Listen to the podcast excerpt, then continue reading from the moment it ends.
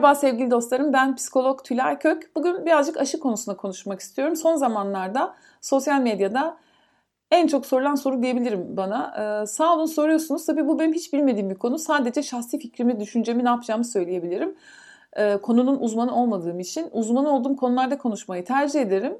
Ha, e, konuyu konuya bu konuya kendi perspektifimden, uzmanı olduğum konunun perspektifinden bakabilirim. Yani insanlar bir şeylere neden karşı çıkarlar? Karşı çıkmanın psikolojisi. Evet bu podcast'imizde karşı çıkmanın psikolojisini, neden bazı insanların kabullenici ve bazı insanların da itiraz edici olduğunu konuşabiliriz.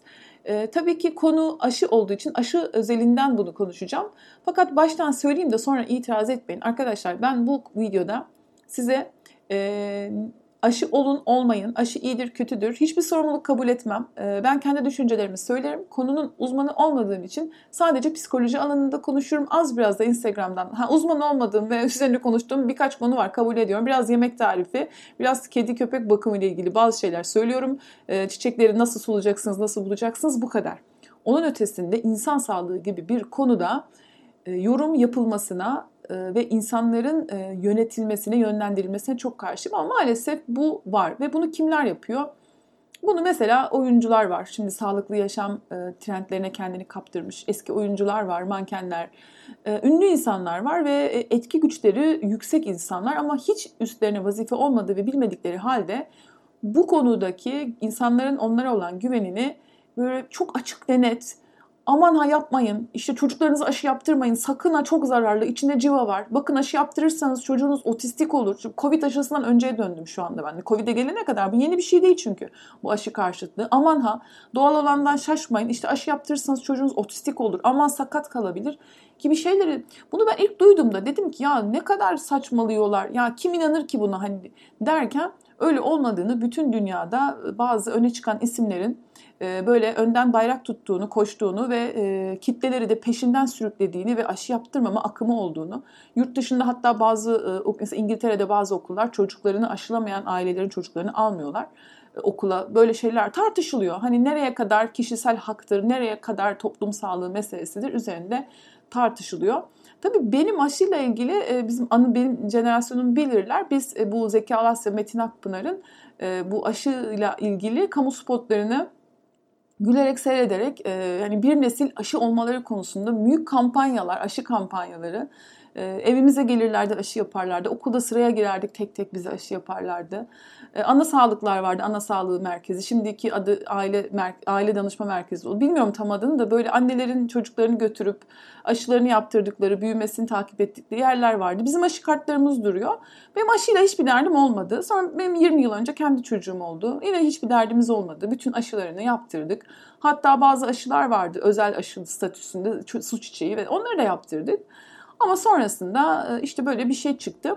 Ha, sadece aşıyla mı ilgili arkadaşlar? Hayır. E, tabii tıp tıpla ilgili, e, modern tedavilerle ilgili e, tabii canı yanan insanlar başka karşı akımlar oluşturdu. İnsanların canı yandı çünkü hiçbir şey tümden iyi ya da tümden kötü değil. Hatalı tedavilerle insanların e, hayatını ya da uzuvlarını kaybeden insanlar oldu. Yanlış ameliyatlar, gereksiz ameliyatlar. Tabii ki de yani bir şey hiçbir şey tümden iyi ya da tümden kötü değil. Burası dünya hayatı neticede. Artıları var, eksileri var ama mesele şu. Bugün benim konuşmak istediğim şey şu. Bizler e, bazen şöyle bir e, fikre kapılıyoruz. Kimse beni etkileyemez. Ben kül yutmam. Bana bu aşıyı yapamazlar. E, kimse bana çip takamaz. Bir de o çıktı. E, Bill çıktı bir şeyler söyledi ee, insanlar dedi ki ben bu aşı hayatta olmam işte çip takacaklar beynimizi ele geçirecekler bizi yönetecekler falan diye e, beni kimse yönetemez, yani beni yönetemezler e, gibi bir iddia çıktı ortaya ki aslına bakarsanız e, beni kimse yönetemez ben buna karşıyım dediğiniz anda sadece hani koyun olmayı reddediyorsunuz, e, reddediyoruz. Yani hiç kimse koyun olmak istemiyoruz. Birilerinin bizi güttü, güttüğünü, güttüğünü düşünmek istemiyoruz ama çoğu zaman olan ne oluyor biliyor musunuz? Hani kalabalık bir sürüden ayrılıp o sırada sürüsünü genişletmeye çalışan başka bir çobanın peşine takılıyoruz. Acı ama gerçek olan bu arkadaşlar. Neden biliyor musunuz? Ne, ne, ner, nereye kadar? Yani sonuç olarak ben e, kemoterapiyi reddedip doğal yöntem zerdeçal kürü yaptırmaya karar verdiğimde kararım ne olursa olsun ben bir laboratuvara giremem. Ben histoloji bilmiyorum, mikrobiyoloji, biyokimya bilmiyorum. E, kemoterapiyi reddettiğimde, aşıyı reddedip başka bir şeye yöneldiğimde bana diyor ki bunu yaptırma, bunu yaptır. Yani bir tarafta bunu yaptır diyenler, öbür tarafta hayır bunu yaptır diyenler. Ben de karar veriyorum. Çünkü her koşulda bir laboratuvara girdiğimde benim o bana denen şeyin benim hücre düzeyinde bana hücre düzeyinde ne tür bir etki yaptığını tespit etmem mümkün değil. Çünkü anlamadığım ve bilmediğim bir konu. Diyor ki hücrene şunu yapıyor. İşte mitokondrin şöyle çalışıyor. Mitokondrinin de ne olduğunu bilmiyorum. E, mikroskop koysalar önüme neresinden bakacağımı bilmem. Ama e, inanmam gerekiyor. Birine ya da ötekine inanıyorum. E, ha bu şu demek değil. Mutfağımda e, bu keki 3 ya da 4 yumurtayla yapmam. Bu benim bizzat tecrübemdir ve ben bunu test edebilirim. Bir fikrim olur. Ama onun dışında özellikle sağlık söz konusu olduğunda hekim bile olsanız, bakın hekim bile olsanız sizin uzmanlığınız kulak burun boğaz ise sizin yine bu konuda bir şey söylemeniz mümkün değil.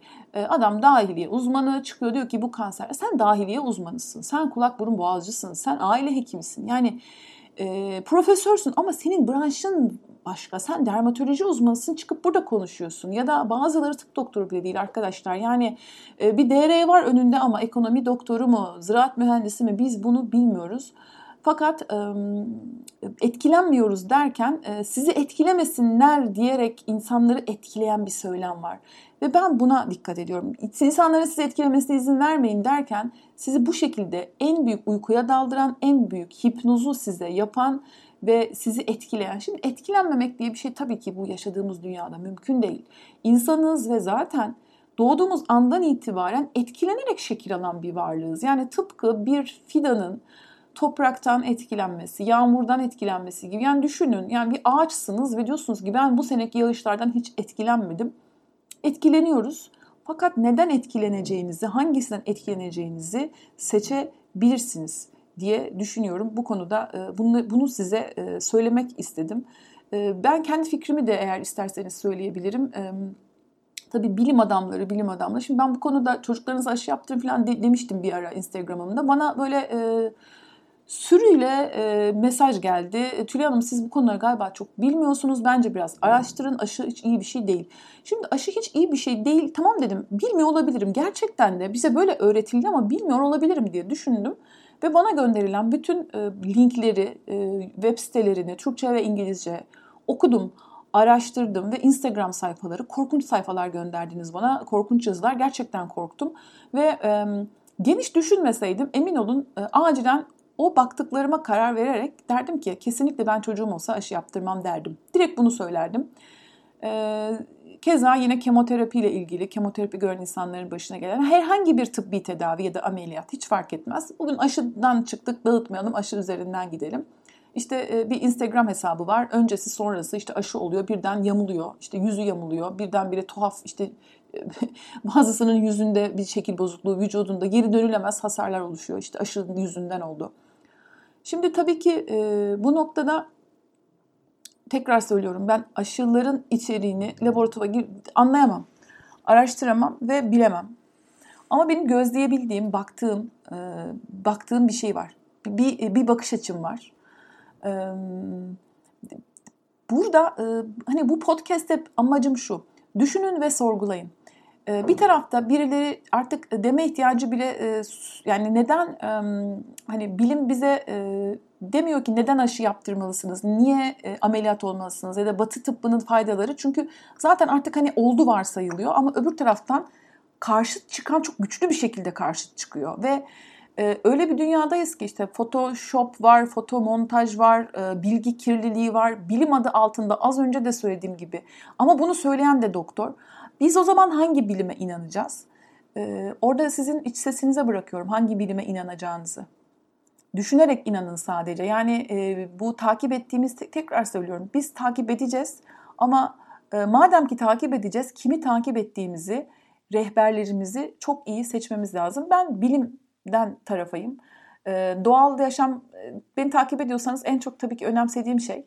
Fakat bugün başıma ciddi bir şey gelse şuna bakıyorum. Elbette kötü, yanlış e, zararları olmuştur ama bir kar zarar dengesi koyduğumda e, tıptaki ilerlemenin insan hayatına katkısı.